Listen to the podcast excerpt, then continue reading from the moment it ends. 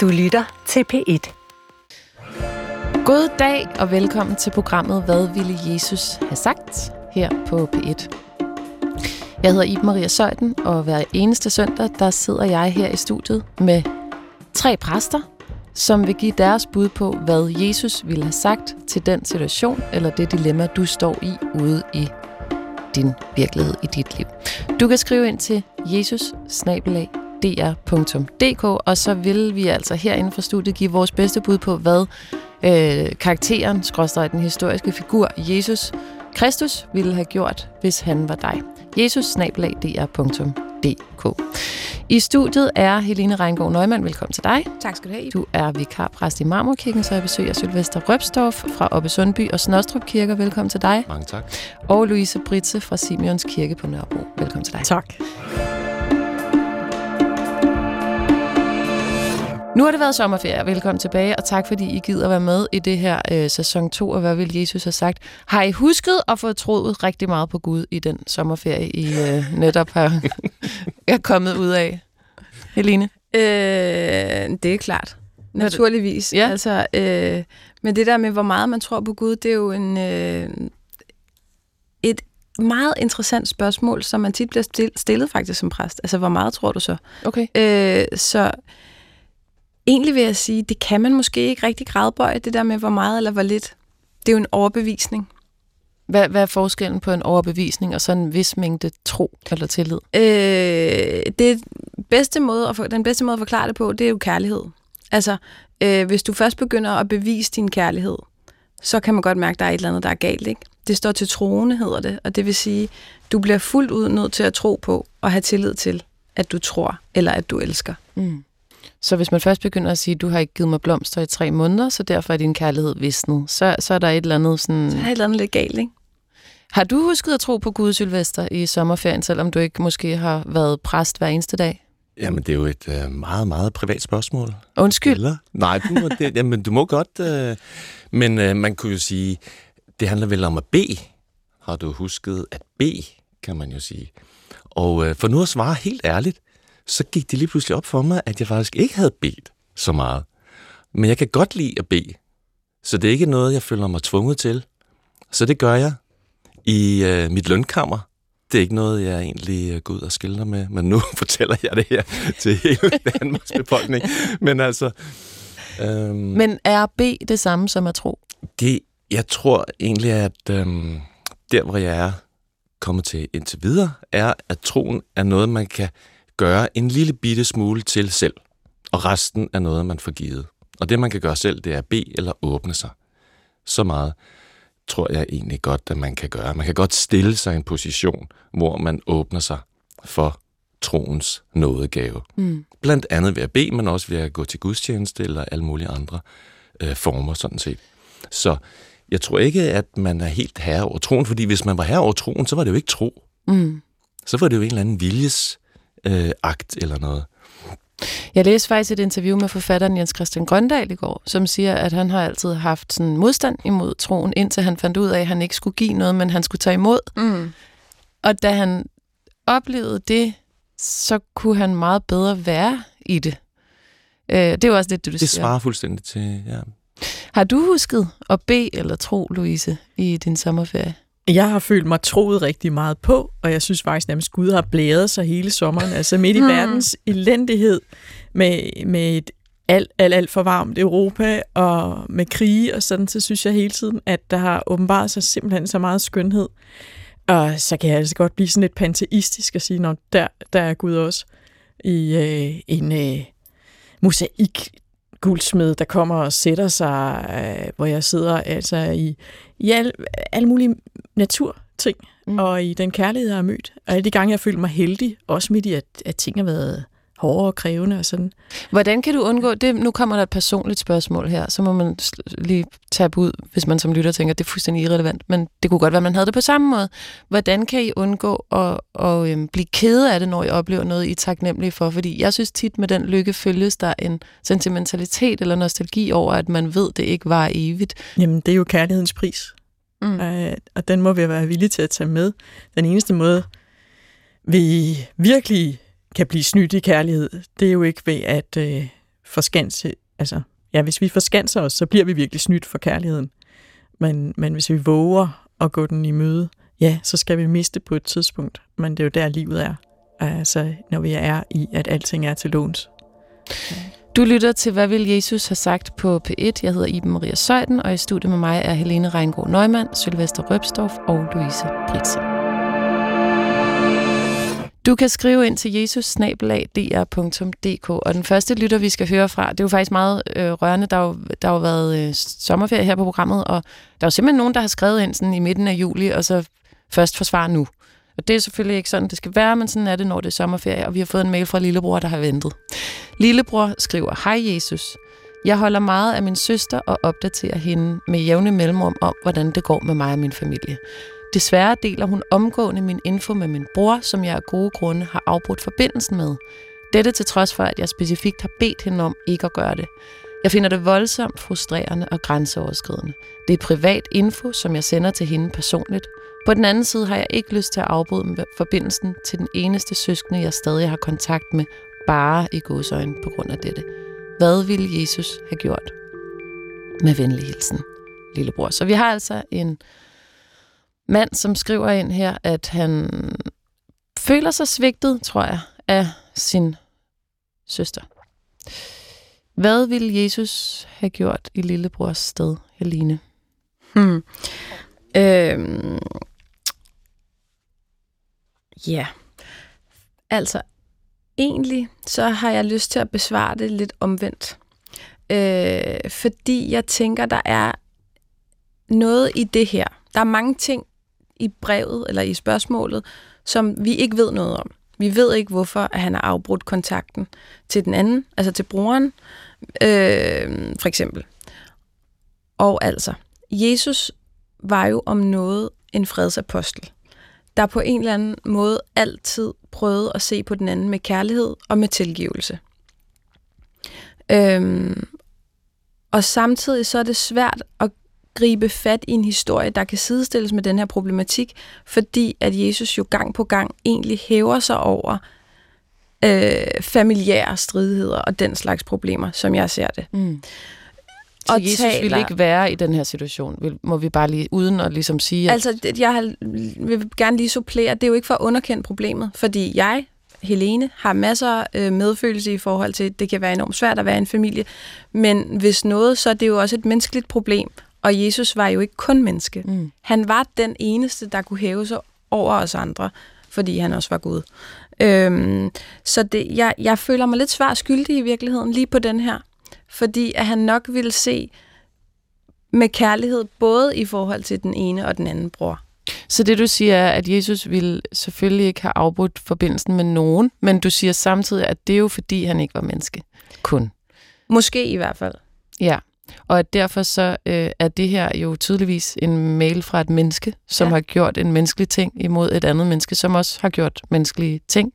Ja. Og det er der fuld forståelse for, men mm. vi kan måske ikke bruge Jesus i den forbindelse. Jeg har i hvert fald svært ved at se indgangen til det. Mm. Hvordan vi skal egentlig skal besvare det her spørgsmål. Øhm, fordi at Jesus øh, jo netop altid vil, vil prøve at se på, hvad er det svære i det her? Kan vi se på det med kærlighed frem for med frygt? Mm. Øh, for jeg læser noget frygt ind i det her. Mm. Øh, så på en eller anden måde, så vil jeg vente den om at sige, måske vil han sige, du skal ikke frygte, at den her information går videre. Ja, okay, Sylvester.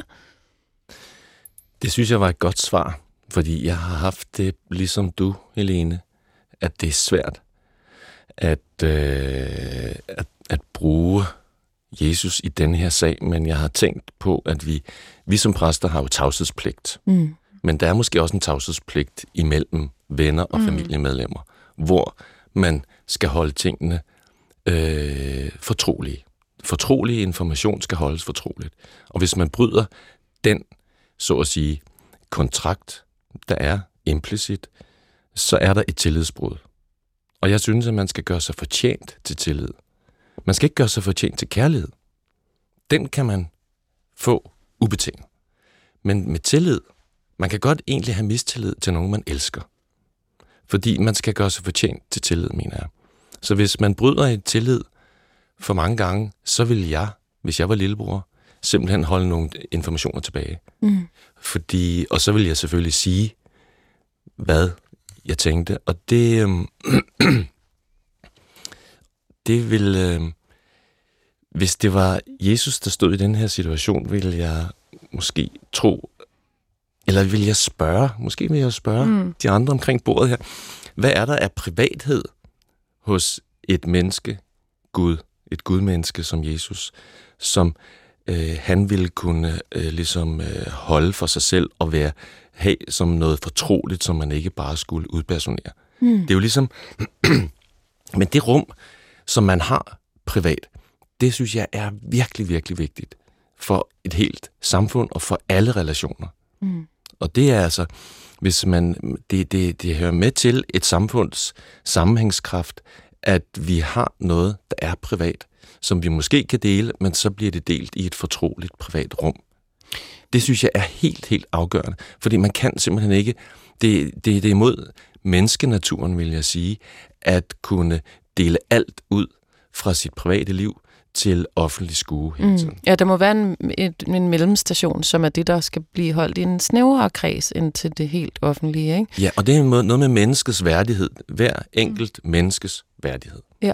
Øh, og afgrænsning af det individ. Men hvis man så tager det spørgsmål, du stiller til Louise og Helene, og så siger, er der noget eksempel på, at Jesus havde noget information omkring sig selv, som han valgte ikke at dele? Og der tænker jeg, at jeg er faktisk interesseret i, hvor lang tid i forvejen vidste han sit endeligt? Altså, hvor lang tid i forvejen vidste han, at det nok gik imod en korsfæstelse, uden at sige det direkte til disciplene, for eksempel?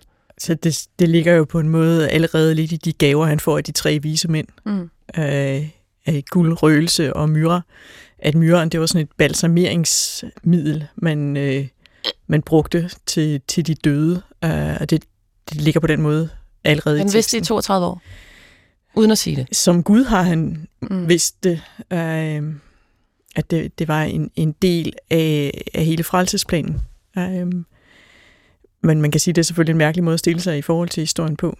Øh, vi kommer nemt ind på sådan noget som skæbne i det hele taget. Ikke? Hvad, hvad, er, hvad er forudbestemt? Skal vi kæmpe imod vores skæbne? Nu kommer vi altså et stykke uden for spørgsmålet her. Det gør ikke, ikke så meget, Nej. fordi det der synes jeg er meget essentielt Ja. egentlig. Ja. Øh, Men Jesus forudbestemmelse var jo, at, at man kan sige, forløse Gud, øh, forløse billedet af Gud øh, i forhold til, til det gamle testamentes Gud, som øh, bestemt ikke er entydig, men, Mm. men øh, der, der har jo ligesom været en grund til, at, øh, at der kom det her Jesus-tillæg om bag i Bibelen. Det er, det er ret tyndt, men, Men- det er ligesom der, det hele åbner sig. Men i virkeligheden ja. Kunne det jo godt være, hvis man tog det på den måde, en, altså, at vores lillebror her kunne læne sig op af, at det måske okay at holde noget information for sig selv, og ligesom være sele- mere selektiv over for sin søster med, hvad han deler. Er det det, du gerne vil sige, Sylvester? Nej, nej, jeg kommer bare lige i tanke om det her med Messias-hemmeligheden. Det var en forsker, der Mm. fandt ud af, at han jo flere gange siger til sine disciple, at I må ikke fortælle det, som jeg fortæller jer, mm. at jeg er Messias, den salvede øh, Guds søn. Der er også en hemmelighed. Mm. Så han har også et fortroligt rum. Og det, det pålægger han jo dem. Så, øh, så det må de jo sådan set ikke øh, gå Det ud og virker sige. cirka omvendt. Så det må... Ja, det må så sige, ja. De holder ikke helt. øh, så i hvert fald, så enten kan lillebror holde informationen for sig selv, det han ikke vil have videre, eller også så, så, skal, så skal det siges eksplicit til søsteren, du må ikke gå videre med det her, og det er øh, fuldstændig i tråd med, hvad Jesus har gjort. Det der med at sige, at den der information, den skal holdes her. Louise? Altså det, at vi deler meget fortrolige ting, det er også noget, der knytter os sammen. Mm. Øh, vi kan jo også gøre det i bøn, for eksempel, at man, man kæmper med de ting, som man ikke rigtig kan sige højt. Og så er det jo fundamentalt i vores samfund, at vi har sådan ting som for eksempel fængselspræster, som selvom de bliver betroet et drab, faktisk ikke må sige det videre. Jeg synes, det er helt fundamentalt for vores menneskesyn her, at, øhm, at et hvert menneske har ret til nogen at betro sig til, uden det bliver sagt til andre. Mm. Øhm, og derfor Det kan kan man også sige, ske uden for fængslet jo. Ja, men, Mm. men, men også det, altså man kan sige, det sker lidt nemmere der måske, at når det ligesom ligger i teksten, at det er det, man kan komme til at tale om. Mm. Altså præsters tavshedspligt er, øh, er den mest omfattende overhovedet, Mm. fordi vi ikke har indberetningspligt, men man kan overveje at bryde den, hvis man mener, der er risiko for kommende forbrydelser, men mm. man, man skal være meget varsom med det. Øhm, men Jesus, han møder jo folk, hvor de er. Og nu ved lillebror sådan set godt, hvor den her søster er. At der er en lækage her. Så man kan gå de veje af at sige, nu har du vist mig, hvem du er. Derfor føler jeg mig usikker på, at de ting, jeg fortæller, at de ikke kommer videre. Men jeg har lyst til at fortælle dem, fordi jeg føler mig så stærkt knyttet til mig, og det er en del af det, at vi er i så tæt familie og deler det her spor. Øh, eller så kan man sige, se på hende udefra og sige, jamen, nu har hun vist sin natur, ligesom en, en krokodille har en natur, som den også ligesom bekender kulør med, og så kan man så forholde sig til den derfra, og måske stadigvæk godt elske den, men bare vide, mm. at det hører altså med, at, at krokodiller bider, og søsteren er åbenmundet. Øhm, men jeg har virkelig meget lyst til lige binde en, en kærlig krølle på hele det her spørgsmål, fordi det, det simpelthen er en, en stor udbredt problematik, det her med brud i nære familierelationer. Ja, det må jeg jo vide som præster. Ja. Er det noget, I ser tit? Det er det virkelig. Jeg, jeg tror næsten ikke, jeg har haft en bisættelsessamtale. Det kan også være bryllup og dåb, men, men hvor jeg spørger nogle gange, er der noget, jeg skal vide for ikke at jogge i spinaten? Der kan blive sagt ting i det her rum, der aldrig skal ud af døren igen. Men hvis der er nogle meget følsomme ting, så er det mm. nogle gange meget godt, at vi lige får talt om dem her. Det kan være noget om, om, øh, om misbrug og svigt. Det kan være så meget. Men så er det næsten hver gang, at, øh, at de sidder måske og ser både triste og faktisk også skamfulde ud og siger, ja, vores familie er ikke ligesom alle andre. Og så tænker jeg, tak skal du have. Hvornår kommer den der ligesom alle andre familier? For jeg har ikke mødt den endnu. Mm. Men brud i de nære relationer, det er et, øh, en kæmpe smerte for rigtig mange. Nogle gange er der rigtig, rigtig gode grunde til det. Det er der helt sikkert følelsesmæssigt, som regel andre gange, der kommer jeg til at tænke, jeg ved om ikke det godt kunne repareres. Især fordi det er så omkostningsfuldt, at man klipper, klipper trådene over til, til det, man kommer af, og det, man øh, er beslægtet med. Men det ja. er da i hvert fald godt at vide for folk derude, tænker jeg, ja. at vide, at det, det er ikke en særlig familiedynamik. Man er ikke misset fuldstændig ud i forhold til majoriteten. Der altså, er mange, der oplever det. Ja, forhold mellem forældre og børn, og mellem voksne søskende, mm. der er enten dramatisk er, er skåret over med, med et konkret brud, ligesom når man siger op med en kæreste, slår op hedder det vist, siger op, det, det med job, ikke? øh, eller, eller at det, det æbber ud og bliver, bliver kølet ned, mm. at invitationerne stopper lige så stille, men det er lige så smertefuldt. Og ingen af jer er jo så ude i, at han skulle bryde med, med søsteren her. Det er i hvert fald ikke en, det, det er ikke en præsenteret løsning forløbig. Det synes han jo ikke selv. Nej. Så altså, øh, kære lillebror, øh, se det enten udefra. Din søster er en sød krokodille. øhm, eller hold informationen tæt til kroppen, eller sig det. Det her, det er en lillebror-hemmelighed, parallelt mm. til Messias-hemmeligheden. Du kan skrive ind til jesus-dr.dk, og jeg kunne egentlig godt, det kan vi ikke nå nu, men jeg vil gerne, jeg synes bare, det, jeg synes også, det, det lyder spændende med det der med Messias-hemmeligheden, der ligesom så bliver brudt. Altså det der med at sige noget helt vildt om sig selv, og så sige sådan, men du må ikke sige det til nogen. Altså, sådan, sådan meget manipulerende på en eller anden måde. Er det ikke det, Sylvester? Jo, det, det er selvfølgelig noget at give de Altså det er jo lidt, hvad? Kan man jo ikke bare gå ind og sige noget sindssygt om sig selv, og så sige, du må ikke det vende det med nogen? Men jeg synes også, at uh, selve hemmeligheden er en utrolig mærkelig eller i hvert fald interessant, et interessant fænomen. Der er jo tre til en hemmelighed. Der er den, der fortæller den, der er den, der hører den, og så er der den, der ikke hører den. Sandt. Den, der er udenfor. Fordi ellers er det jo ikke en hemmelighed. Nej. Hvis ikke den tredje er Hvis der kun var to mennesker i verden, så er det ikke en hemmelighed. hemmelighed. Nej. Øhm, selvom det er dybt fortroligt og alt muligt, men det er ligesom... Og, øhm, og så er det jo tit sådan, at man fortæller en hemmelighed, fordi man rent faktisk gerne vil have den tredje person, resten af verden, for den at høre. Okay. For ellers kan man jo bare lade være med at sige det. Ja.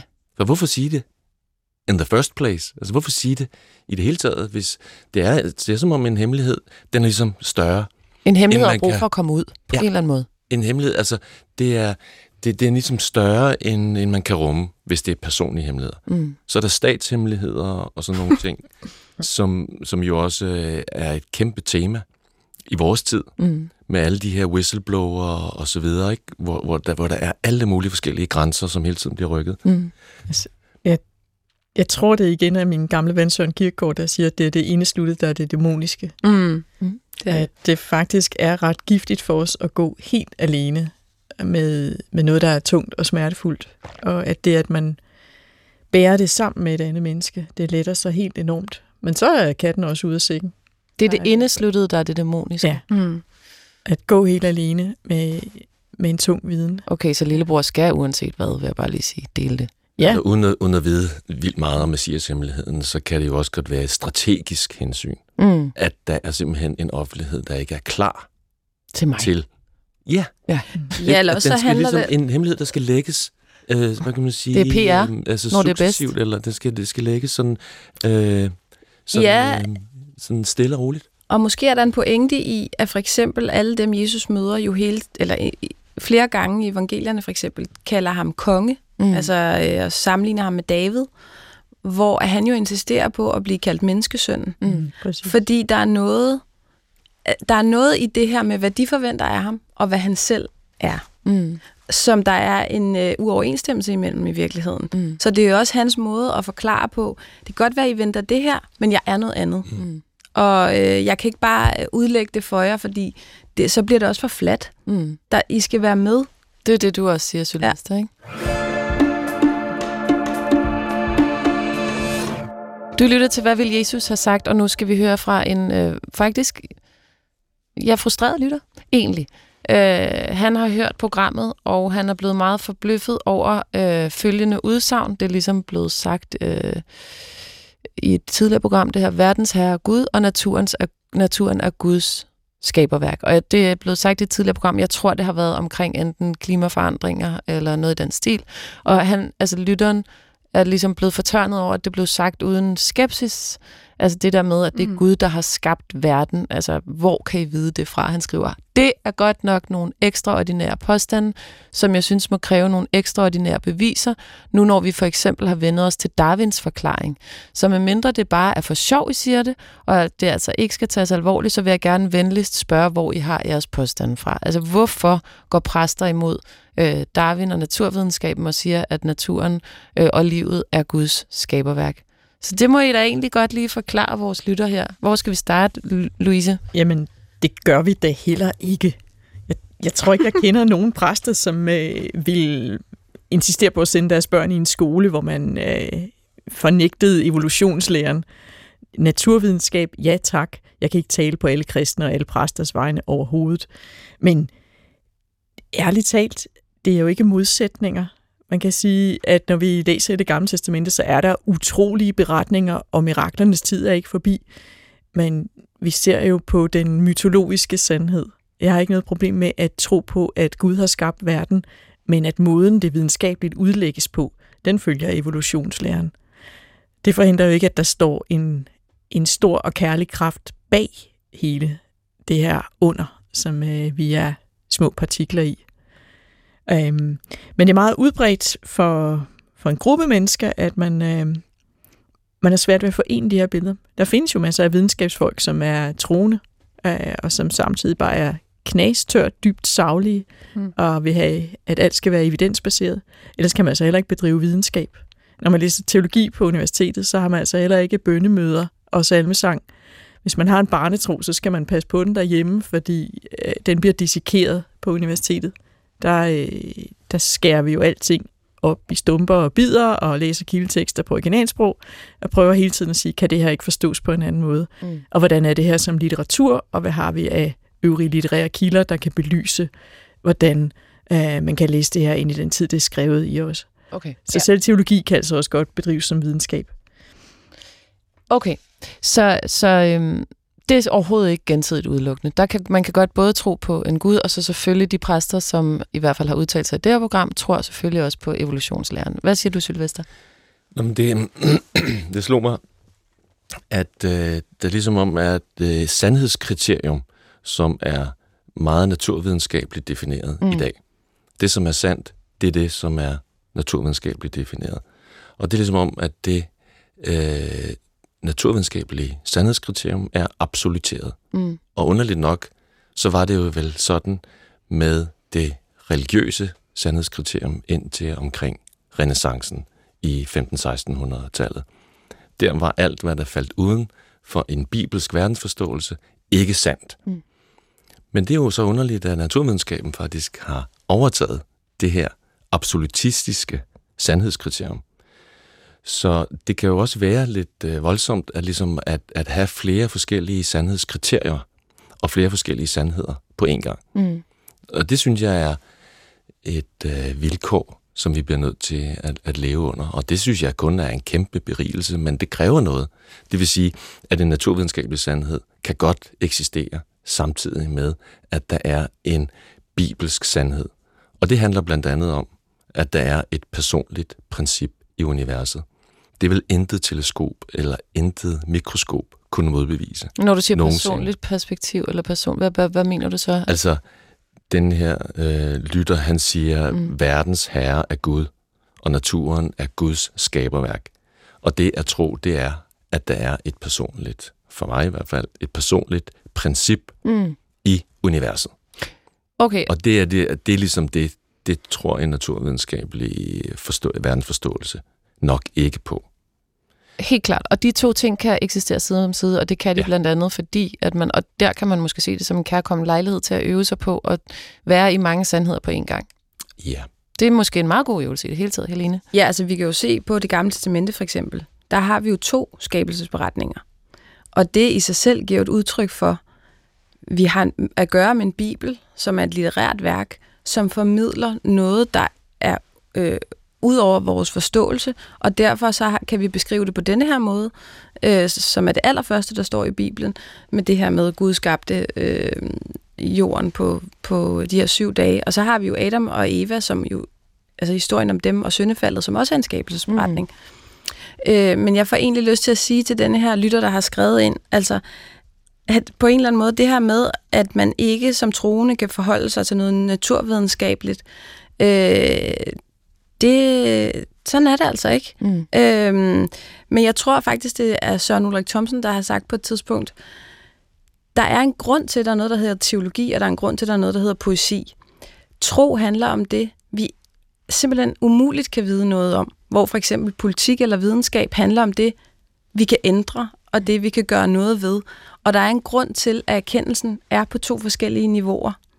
Øh, og vi må simpelthen ikke sammenblande de niveauer. Mm fordi øh, vi har brug for, at vi fungerer på begge etager. Ja, og man kan sige helt personligt, gør vi det jo hver dag, når vi har en følelse eller lyst til noget, og har en beslutning om at gøre noget andet. Det er også en måde at være i to sandheder på på en gang. Og så også bare lige til information, så var Darwin ikke ateist. Mm. Og han påstod aldrig at kunne forklare, hvordan livet var opstået, mm. men kun hvordan livet udviklede sig. Mm. Du lytter til, hvad vil Jesus have sagt her på P1? Jeg får, jeg, der faldt mig sådan et spørgsmål ind, som jeg simpelthen er nødt til at stille. Øh, det var fordi, du, Louise, sagde, at på universitetet, når man læser teologi, så læser man også Bibelen som litteratur, øh, mm-hmm. øh, og hellige skrifter som litteratur. Jeg så statsminister Mette Frederiksen i aftenshowet i den her uge, og hun bliver ved med, altså i forhold til, øh, at de arbejder med et forbud mod at afbrænde koraner. Øh, det gør øh, man nu politisk for at se, om man ligesom kan få sat en stopper for det, som kunne udvikle sig til en diplomatisk krise. Så bliver hun ved med at sige, man brænder ikke bøger. Altså, øh, og det er ligesom, og, og jeg forstår godt, hvad, fordi, men det er ligesom om, at Koranen i den her sammenhæng bliver mere en bog, end det bliver en religion, øh, eller det bliver øh, litterære, øh, eller hvad hedder det, religiøse skrifter. Det bliver omtalt af hende i hvert fald som en bog frem for noget andet. Mm. Det synes jeg er vildt interessant, og det er ikke fordi, at det ikke er en bog, men jeg har bare aldrig tænkt det hovedsageligt som en bog. Ej heller Bibelen, vil selvfølgelig er det en bog, men det er jo, er det en bog, eller er det en litterær skrift? Hvad er det? Ved at gøre det til en bog, så, så kaster man jo den her diskussion ind i hele sporet af, hvad der ellers har været af, af bogafbrændinger, øh, som jo også har været et forsøg på at, at slette et åndsliv. Øh, hvad, der, hvad, hvad, hvad det egentlig er, dem der dem, der kan finde på at brænde koraner, vil med det, det er jo nok øh, noget andet.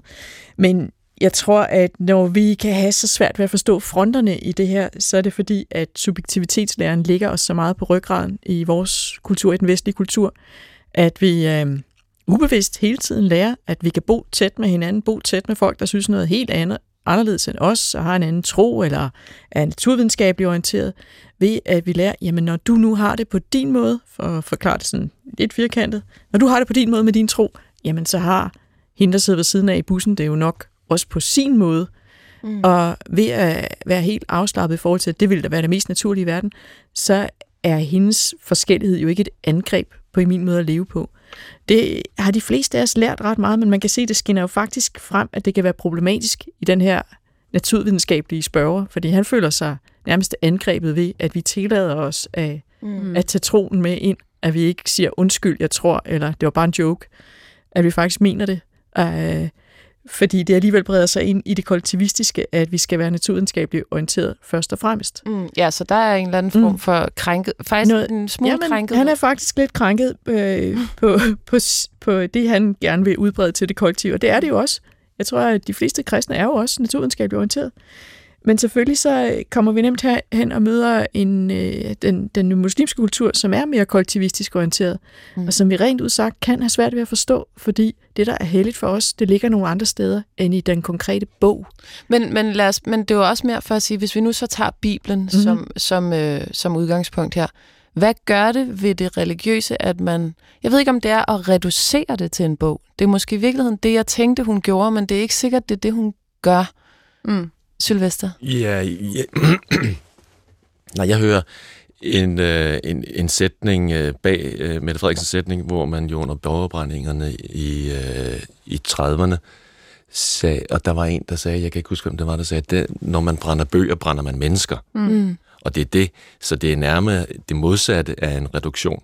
Altså det er virkelig at, øh, hvad kan man sige, at gøre, give den endnu mere værdi, mm. den her bog end den normalt har for os. Og det er det, som vi har svært ved at forstå.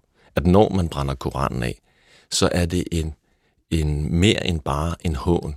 Det er en krænkelse mm. af en masse mennesker eller et helt kollektivs værdighed. Kan man er Bibelen ikke lidt? større end en bog? Det er mere det. Det er, mere det. Det er Fordi... meget større end en bog. Ja, så, så, Koranen så når hun siger, en bog. Ja, mm. ja Helene. Nej, jeg tænker bare på lige nu, at øh, ja, altså, Bibelen som Koranen er jo defineret ved at være et helligt skrift. Ja. Så det er jo mere end en bog. Der er jo en ånd, vi ikke kan se, der hører med de her skrifter. Men jeg tænker bare på, altså, svarer det ikke lidt til, at man heller ikke må brænde flag af? Mm. Det, et flag er et stykke øh, stof med nogle farver på, men det repræsenterer jo en helt anden værdi. Og det, altså, vi har jo faktisk flere steder, øh, når vi nu taler om det her med ytringsfrihed og hvad vi må og hvad vi ikke må, ting vi ikke må gøre. Vi må for eksempel ikke brænde flag af, fordi det er meget mere end et flag. Mm. Ikke? Men jo. hvis vi gjorde det, så tror jeg ikke, at der er nogen, der vil kaste sig rundt i smerte over den øh, pers- personlige sorg, de vil føle over det. Jeg vil tænke, at det, det er dårlig stil, og det er faktisk forbudt. Men, men vores følelser i forhold til det, der er heldigt for os, det, det ligger nogle andre steder. Jeg tror, det er derfor, vi har så svært ved at forstå mm. den ægte smerte. Og som... dermed ikke sagt, at man ikke skal forsøge at forstå den ægte smerte. Lige præcis. Helt sikkert. Du lytter til, hvad vil Jesus have sagt øh, på P1. Nu går vi på et fuldstændig konkret jordnært plan med en mail fra en... Øh, ja, det er et meget, meget konkret spørgsmål faktisk, det her. Hej, jeg er for nylig blevet kæreste med en skøn præst som jeg håber og tror, jeg vil kunne leve et langt og lykkeligt liv sammen med, og en dag få børn med. Jeg er ikke kristen som ham, men jeg er spirituel og nysgerrig og åben i mødet med hans tro. Vi har allerede talt meget om fremtiden, og her er jeg stødt på noget, jeg synes er svært. Min kæreste vil ikke bo sammen med mig, inden vi bliver gift af hensyn til hans arbejde, og af hensyn til kirken og de forventninger, der ligger i det kristne miljø, han kommer i. Han har været aktiv i pinsebevægelsen, men jeg oplever, at det ikke kun handler om det, men også om hans opvækst i en kristen kultur. Det udfordrer mig meget, at et system og en kultur skal definere, hvordan vi skal leve, særligt fordi jeg oplever, at det handler meget om frygt for fordømmelse.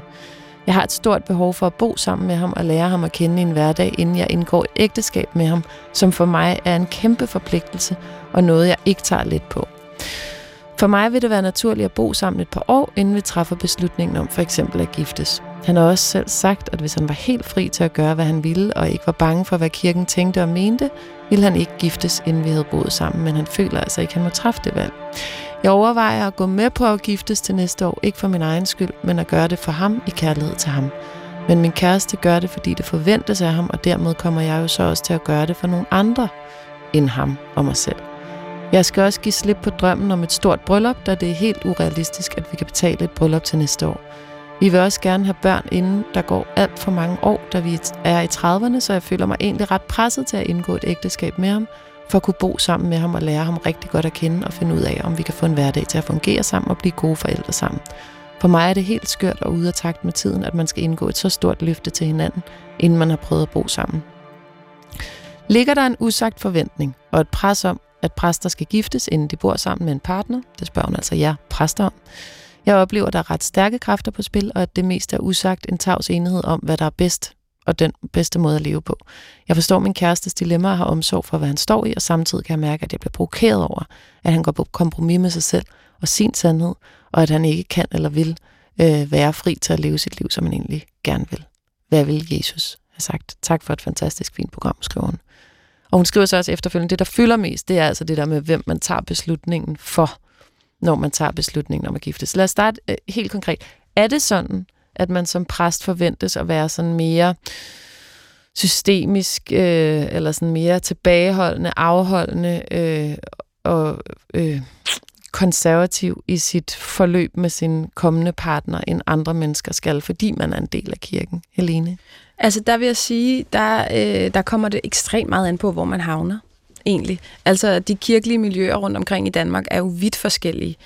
Jeg vil sige det sådan, jeg, min oplevelse er, at de fleste steder øh, ansætter man den teolog og den præst, som man synes forkynder øh, på den måde, man nu bedst kan forholde sig til. Men altså, ja, det ville da også være at lyve, hvis det ikke var, fordi jeg havde hørt om, at der er visse steder, hvor der er en forventning til, at ægtefælden på en eller anden måde indgår i kirkens øh, miljø. Og det er jo en reminiscens af, hvordan det har været i gamle dage, og det kan vi ikke helt øh, undgå, tror jeg faktisk. Altså, hvor der er faktisk et usagt forventningspres omkring, at man skal helst være gift. Det er der visse steder. Okay, det, det kommer faktisk en lille bitte smule bag på mig. Ja, jeg troede, det er det også vildt. Bare så frit. Alt var bare okay. Men, okay. men, det, men det er få steder. Okay. Sådan vil jeg sige det, ikke? Ja. Øhm, Louise, du, øh, ja, du ser ud, du som, ser ud som om, ja, du gerne vil sige der noget. noget. du altså, brænder ind med. Helt konkret, så er vi jo faktisk ansat under øh, det, der hedder dekorumreglerne, som kræver, at man som præst lever et øh, moralsk uangribeligt liv. Mm. Uh. Står det nogle steder? På det gør det, mm. ja. Men hvordan det fortolkes, det er nemlig rigtig, rigtig forskelligt. Uh. Nu har jeg jo kun været præst på øh, Københavns Brokvarter, at der vil jeg sige, forventningerne, jeg har mødt, de har, de har nok ikke været helt de samme, som, som den her øh, unge mand beskriver. Jeg kunne forestille mig var et sted lidt udenfor. Mm. Indre Nørrebro for eksempel. Men altså, ja, jeg hørte om en kvindelig præst, der var medlem af en svingerklub, der lå i sit sovn et sted i Jylland, og der opfordrer man altså til, om hun ikke kunne være medlem af en svingerklub, der lå et andet sted. Yes. Så det er jo også en måde at... Øh, mm at gå til det her med... I stedet for at sige, det kan du slet ikke, fordi du er præst, og sige, ja. kunne det være i en anden kommune? Kunne du ikke lige uh, tage og holde dit privatliv lidt uh, mere ja. for dig selv? Det er virkelig forskelligt, hvordan mm. forventningerne er, men som jeg hører spørgsmålet her, så kommer det jo egentlig, uh, som, som uh, kvinden her oplever det, der kommer det jo egentlig meget fra, fra præstens egen idé om, hvad der forventes af ham. Mm. Mm. Uh, og, og man, man kan sige, det, det sørger da også ærgerligt, at han ikke bare har sagt, wow, jeg er simpelthen så øh, vild med dig, så jeg, bare har, jeg har bare mega meget lyst til at blive gift med dig lige med det samme. Så man bare kunne sige, jamen øh, ja, lad os få hinanden. Øh, ellers så kunne man være sådan, hvis det virkelig er sådan der, og det er der, han skal arbejde. Man kan også sige, skal man arbejde et sted, hvor der er sådan nogle firkantede forventninger? Øv. Mm. Øh, der er jo altså også folk, der bliver udsendt i militærtjeneste, som øh, bliver gift af mere pragmatiske grunde. Folk, der skal ud i mm. diplomatisk tjeneste. For ikke at tale om børn, der bliver døbt. Ja, uddøbt. ja. Øh, at man, man tager de her øh, blandt andet formelle skridt for at også at, øh, at, at værne om, øh, om den ramme, man er ved at bygge op. Det er der nogen, der godt kan forholde sig øh, pragmatisk til, men man kan også synes, at det, det gør vold mod øh, følelserne, mm. at man gifter sig ud fra kommende grunde. Nej, det har jeg fuldt forståelse for, at det kan føles forkert. Mm. Er der slet ikke nogen af jer, der tænker, og det her siger jeg med stor omsorg for vores lytter, som jeg også har skrevet sammen med, og tak fordi du skriver, og jeg forstår din situation.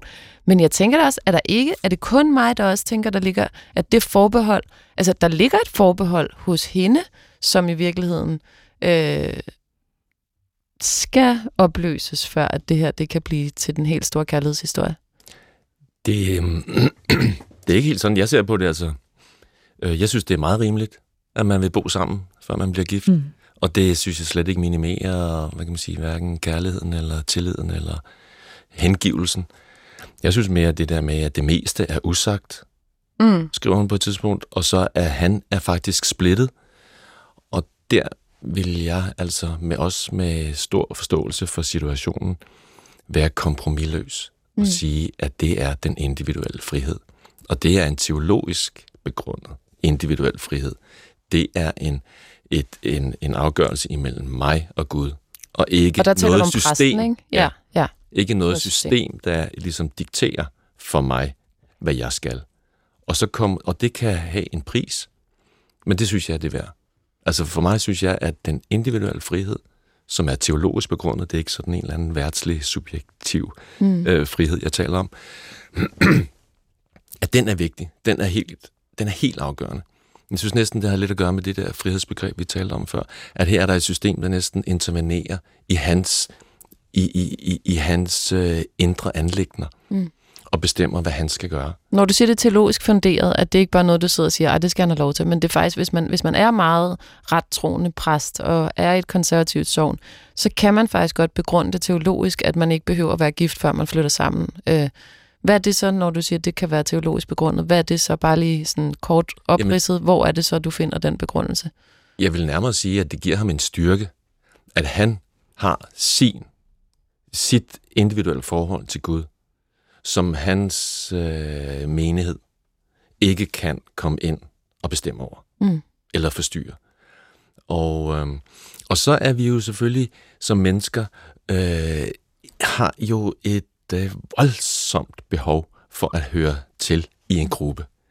Og det store behov, det er jo, det, det, det er jo en sårbarhed, som diverse grupper og sekter og alt muligt kan udnytte. Mm. Og, og jeg har også øh, eksempler, virkelig sørgelige eksempler, på hvordan sådan nogle sekter kan gå ind og, og, og dirigere og manipulere på enkelte individer, som man tydeligt kan se er helt imod deres oprigtige ønske. Mm. Fordi det vi har er, et grundlæggende... det er en dyb spaltning, og der synes jeg simpelthen, at Luthers teologiske antropologi, hvis jeg må sige det sådan, altså Luthers menneskesyn, der handler om, at det her det er simpelthen et forhold imellem mig mm. og Gud. Og der er ingen pave, der er intet system, der er ingen statsminister, der er ingen øh, rockmusiker, der er ingen guru, der skal komme imellem. Så i virkeligheden så finder du en hjemmel øh, i netop det, der gør, at kristendommen skiller sig ud på mange måder, og, og øh, altså fra det totalitære, eller Præcis. fra noget som helst andet, som vi ikke har lyst. demokratisk ja. frihed. Og det er selvfølgelig hårdt, fordi det letteste vil jo bare være, at han fulgte systemet, og så gør vi det for, for, for ligesom at, mm. at undgå konflikt og problemer. Det er jo det. Ja, og der kan man sige, at hvis man er ung præst, øh, så kunne det måske være et godt sted at starte det her med at finde ud af det personlige Guds forhold. Øh, det er måske en lille gave, som hun kunne give til ham, at han får det defineret, at det bestemmer han selv for sådan af kristendommen i folkekirken, at mit Guds forhold, det er der ingen, der, der skal diktere. Ja, og især det der med det meste er usagt, jeg vil simpelthen anbefale. Få talt så meget om det. Mm. Under alle mulige forskellige omstændigheder, på gåture og, og med glas vin, og i alle mulige forskellige sammenhæng. Bare tal så meget om det, og så mm. kommer man frem til en løsning. Du lytter til, hvad vil Jesus have sagt? I studiet med mig, Helene Reingård Neumann, Sylvester Røbstorff og Louise Britse. Du kan skrive ind til jesusnabelag.dr.dk med dit spørgsmål, og så vil det blive taget op en af de kommende uger. Du kan altid i øvrigt gå ind og finde tidligere afsnit på DR Lyd, hvad vil Jesus have sagt. Der ligger øh, alle afsnit til fri afbenyttelse. Og så vil jeg egentlig bare lige spørge, er det noget, I tit har I oplevet det her ofte i jeres eget liv, at det, I tror på, eller det, I gerne vil være som præster, går imod det, som I bare gerne vil have lov til at gøre som privatpersoner? Altså, må jeg lige supplere med ja. det der, for vi snakkede om før, for der var lige en lille point, det jeg har lyst til at sige, som er, øh, her har vi jo at gøre med to unge mennesker, som står imod der, den her, øh, det her bagland. Ikke? Og der har jeg bare egentlig lyst til at sige, husk nu på, at Jesus på hans samtid var meget stor provokatør. Mm. Han gjorde ikke nødvendigvis det, der var forventeligt, og det, som man vidste, loven foreskrev.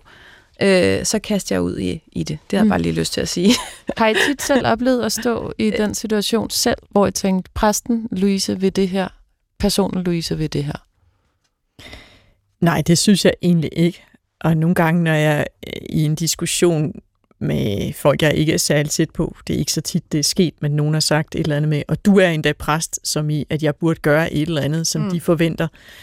Så er sådan, gider jeg overhovedet tage det ind? Altså, mit moralske ansvar, det er, det er mellem mig og Gud, eller loven for den sags skyld. Mm. Uh, man kan ikke leve op til alle andre menneskers uh, forventninger altid. Der er jo ingen ende uh, på den måde. Jeg har hørt om, uh, om en, en uh, ung præstefugl, der ønskede soveværelset i præstegården malet lyserødt, men menighedsrådet mente, det var en usædelig farve, så det skulle de ikke have lov til. Nej. Altså, hvor meget skal man uh, give køb på af sit privatliv? Jeg vil aldrig råde nogle af mine brudepar til, at, uh, at de skulle blive gift, før de boede sammen. Så hvorfor skulle jeg pålægge mig selv eller mine kolleger, at de skulle se at blive gift, før de overhovedet flyttede sammen? Mm. Kunne han tage hende med til et menighedsrådsmøde og sige, øh, jeg synes, jeg skal møde min kæreste, og øh, vi har tænkt os at, at bo i præstegården sammen for at lære hinanden rigtig godt at kende. Og måske endda også at sige, at vi vil opfatte det som en synd at blive gift, før vi kender hinanden rigtigt, fordi vi mener ægteskabet alvorligt. Mm. Så derfor er det en god idé, at vi øh, øh, eventuelt går ind i det med åbne øjne og, øh, og et afklaret kendskab til hinanden. Mm. Så øh, her er hun. I kommer til at se hende øh, rundt omkring byde hende velkommen.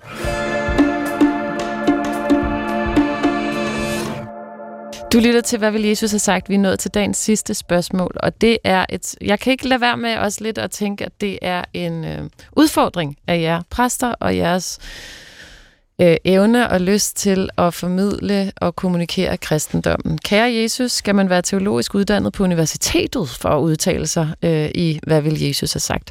Personligt mener jeg det ikke, men man skal have et stort kendskab til Bibelen, til Gud og til Jesus Kristus og sætte sig ind i deres tankegang. Man skal have en stor tro på kristendommen og mene, at det er det nærmeste, man kan komme den universelle sandhed og mening med livet her helt klart, det siger lytteren, det mener han. Desværre er det langt fra alle teologisk uddannede, der har sådan en tro, og derfor kan de altså ikke være de rigtige til at give troen videre til befolkningen. Så altså, tror præster nok, eller er det af og til også en mere intellektuel viden eller forståelse, øhm, end det er tro med hjertet? Det er så mine ord, der er kommet til her. At lytteren spørger, er det den rigtige måde at være nær Gud på, og have tilegnet sig det intellektuelt frem for med hjertet. Det er sådan, jeg hører Pauls mail her. Er I, er I, kan, kan I gå med så langt, at det i hvert fald ikke nødvendigvis er en kvalifikation for at sætte sig i Guds eller Jesus sted, eller i barmhjertighedens sted, eller hvad det måtte være, at man har læst teologi på universitetet, Helene? Jamen, nu var vi jo faktisk lidt inde på det før, i forhold til, øh, hvad det teologiske studium er. Øhm, det er jo jeg vil sige sådan her, personligt oplevede jeg faktisk det at læse teologi som øh, noget, der var meget langt væk fra noget, der hed kirke og tro i virkeligheden. Øh, det var faktisk noget, vi kæmpede for lidt, da jeg læste, at der var en større forbindelse mellem, mellem kirken og øh, videnskaben, som faktisk ikke findes lige nu. Men her vil jeg bare sige for det første, jeg synes egentlig, at øh, alle, der har kendskab til tro, kan udtale sig om det her, fordi det her program er jo et tankeeksperiment i udgangspunktet, øh, så derfor så øh, synes jeg, at alle, alle bør høres. Øh, der er ikke nogen, der er finere end andre på den måde. Men man skal bare huske, at, at når man har læst teologi, så har man måske en større bagage, en større kuffert af viden, vi kan trække på. Og så vil jeg også bare sige, altså det her med at formidle troen, når vi nu er præster, os der sidder her, så er det jo fordi, vi på et eller andet tidspunkt er blevet kaldet til en menighed, der har sagt ja til, at de synes, vi skulle formidle troen. Og det underskriver vi faktisk på i vores præsteløfte, at vi vil gøre. Så forhåbentlig er det sådan, at alle præster, der virker ude øh, i den danske folkekirke, jo har troen i hjertet. Mm. Okay. Øh, kan det decideret fjerne en fra den øh, intuitive hjertetro, at man også laver øh, teologigymnastik igennem en årrække, Sylvester? Ja, det kan det vel. Det kan det vel. Altså, er intellektet ikke som en kniv? Altså, det kan bruges til øh, at øh, skære grøntsager med til en lækker ret, eller det kan bruges til at myrde et andet menneske, eller sig selv, eller noget. Så, så intellektet øh, skulle jo gerne styres eller føres af det rette sind, eller det, det, det fredelige hjerte, mm. det rolige hjerte, eller hvordan man nu vil sige det. Øhm, Og øhm, jamen, jeg kan jo egentlig også sige, for mit eget vedkommende, der er jeg også øh, ligesom været sådan meget øh, sådan interesseret i intellektuelle både øvelser, men også i at komme frem til en, en erkendelse, jeg også kan formulere for andre. Og øhm, så, det, så, så, så rent intellektuelle arbejde kan sådan set godt køre parallelt, men det kan også hjælpe hjertets udvikling eller hjertets tro, mm. ja, vil jeg mene. Så er det det der med, øh, med præsteløftet. Er det underligt, at, øh, undskyld, at når vi aflægger vores præsteløfte, så, øh, så lover vi ikke, at vi skal tro. Det kan man ikke. Og det er jo egentlig underligt. Vi, vi lover det der, Louise sagde lige før, øh, med at øh, dekorum, og vi skal leve i sømmelighed og alle sådan nogle ting. Men man kan ikke love, at man vil tro. Og for det første er det, fordi man ikke kan, kan bevise det. Der er ingen, der kan bevise, om man tror eller ej. Og for det andet, så er det det der med, at man heller ikke kan vælge det, fordi det også kommer ud fra. Mm. Det er en nådegave. Okay, ja. Louise? Altså, for at komme med spørgeren i møde her, så kan vi også tænke på, at Luther han øh, mindede om, at vi har det almene præstedømme, at vi alle er præster for, for os selv og for hinanden, og, øh, og være øh, født til at kunne forkynde Guds kærlighed. Og dermed kan man jo så sige, hvad er det så, der er præstens rolle? Hvis jeg virkelig skal trække det ned på jorden, så kan man sige, at det er måske lidt ligesom, hvis, øh, hvis vi ser kirken som en bus. Det kan man egentlig godt med de bænke, og, sådan, og så er der sådan lidt, lidt hoved og hale i det. Og så er præsten er buschaufføren. Når man kører i bus, så tænker man jo ikke, at chaufføren er finere end passagererne.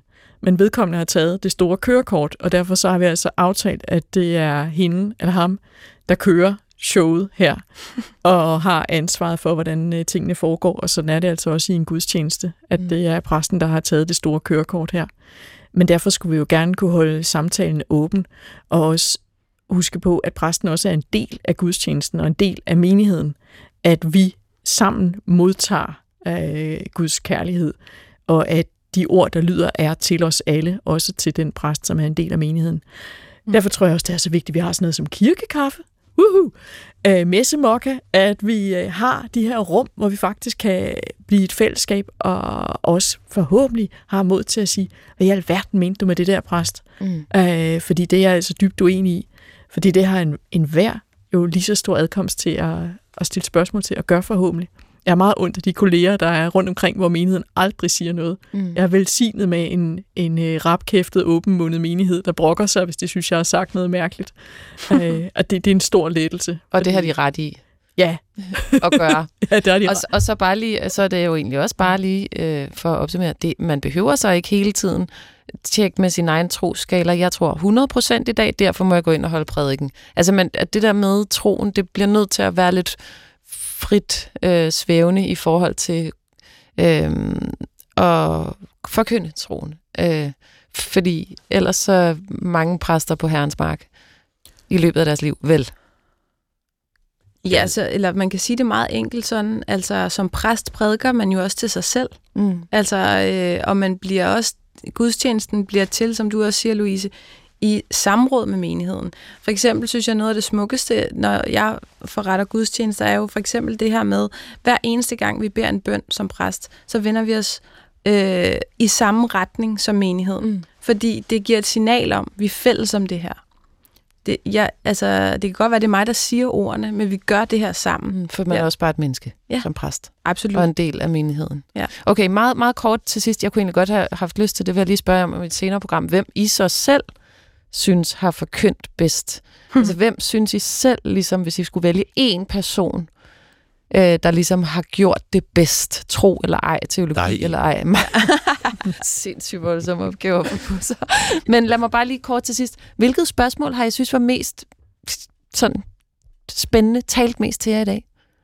Jeg bliver berørt af det med, med søskende relationerne, fordi at jeg synes simpelthen, det er, det er noget, jeg møder så tit, og det er så smertefuldt. Så det, det kunne man nemt brede ud til noget, der, der vedkommer i det. Det her med, øh, hvor dyrt det er, når relationer bliver brudt, og, og, og så også hele spørgsmålet om, om fortrolighed og hemmeligheder, der er i det. Mm. Det er vi i hvert fald ikke færdige med så, Sylvester. Jeg har en lang indre dialog med mig selv, og også øh, samtaler med alle mine venner om, om sandheds... Hvad er det, sandhed? Hvorfor, hvorfor er du lige pludselig blevet præst, og hvad er det for noget at tro?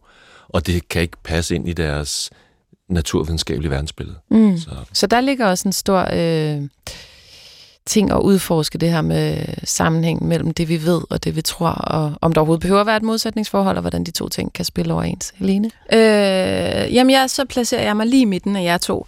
Øh, fordi på en eller anden måde, så har jeg også meget stor, jeg havde meget stor ømhed for den her bror, og samtidig så tænker jeg, at der er noget sindssygt interessant i det her. Du siger, Sylvester, med forholdet mellem tro og viden, fordi vi gang på gang bliver mødt af, øh, hvis du virkelig tror, hvordan kan du så være optaget af sådan noget som familiære øh, relationer eller den slags. Mm. Men vi bliver bare nødt til at se på det som to verdener, man ikke kan blande sammen nødvendigvis. Mm. Man må hæve sig op over det og vide, at vi hele tiden er i det her liv på jorden, som handler om vores øh, relationer. Her tænker jeg på Løstrup, ikke? Vi kan ikke holde noget af den andens liv i vores hænder. Eller vi kan ikke... Nej, nu kan jeg ikke huske, hvordan det er, det citat. Vi hele tiden holder. Ja, vi hele tiden holder noget af den anden liv ja. i vores hånd. Mm. Og samtidig er der noget større på spil, som vi ikke kan forklare. Det tror viden herover. Mm. Tusind tak for jeres øh, medvirken, Sylvester Røbstorff, Louise Britze og Helene Rengård Neumann. Og øh, hvis du sidder derude og har et spørgsmål på læberne, så skriv det ind til jesusnabelag.dk. Jeg kan afsløre, at øh, det er jo ikke sådan, at præsterne bare har et svar, og så går de ud af døren, og så går de hjem til deres kirkekaffe, eller hvad det måtte være, og kører bus. Øh, det er faktisk noget, som I tumler videre med hver eneste gang, fordi svarene kunne være så forskellige og falde så forskelligt ud, afhængig af, hvor man kigger hen. Så det er et forsøg, som du siger, Helene. Et tankeeksperiment, og tak for at gøre jer umagen med det. Tak fordi du har lyttet med i den her uges udgave af Hvad vil Jesus have sagt?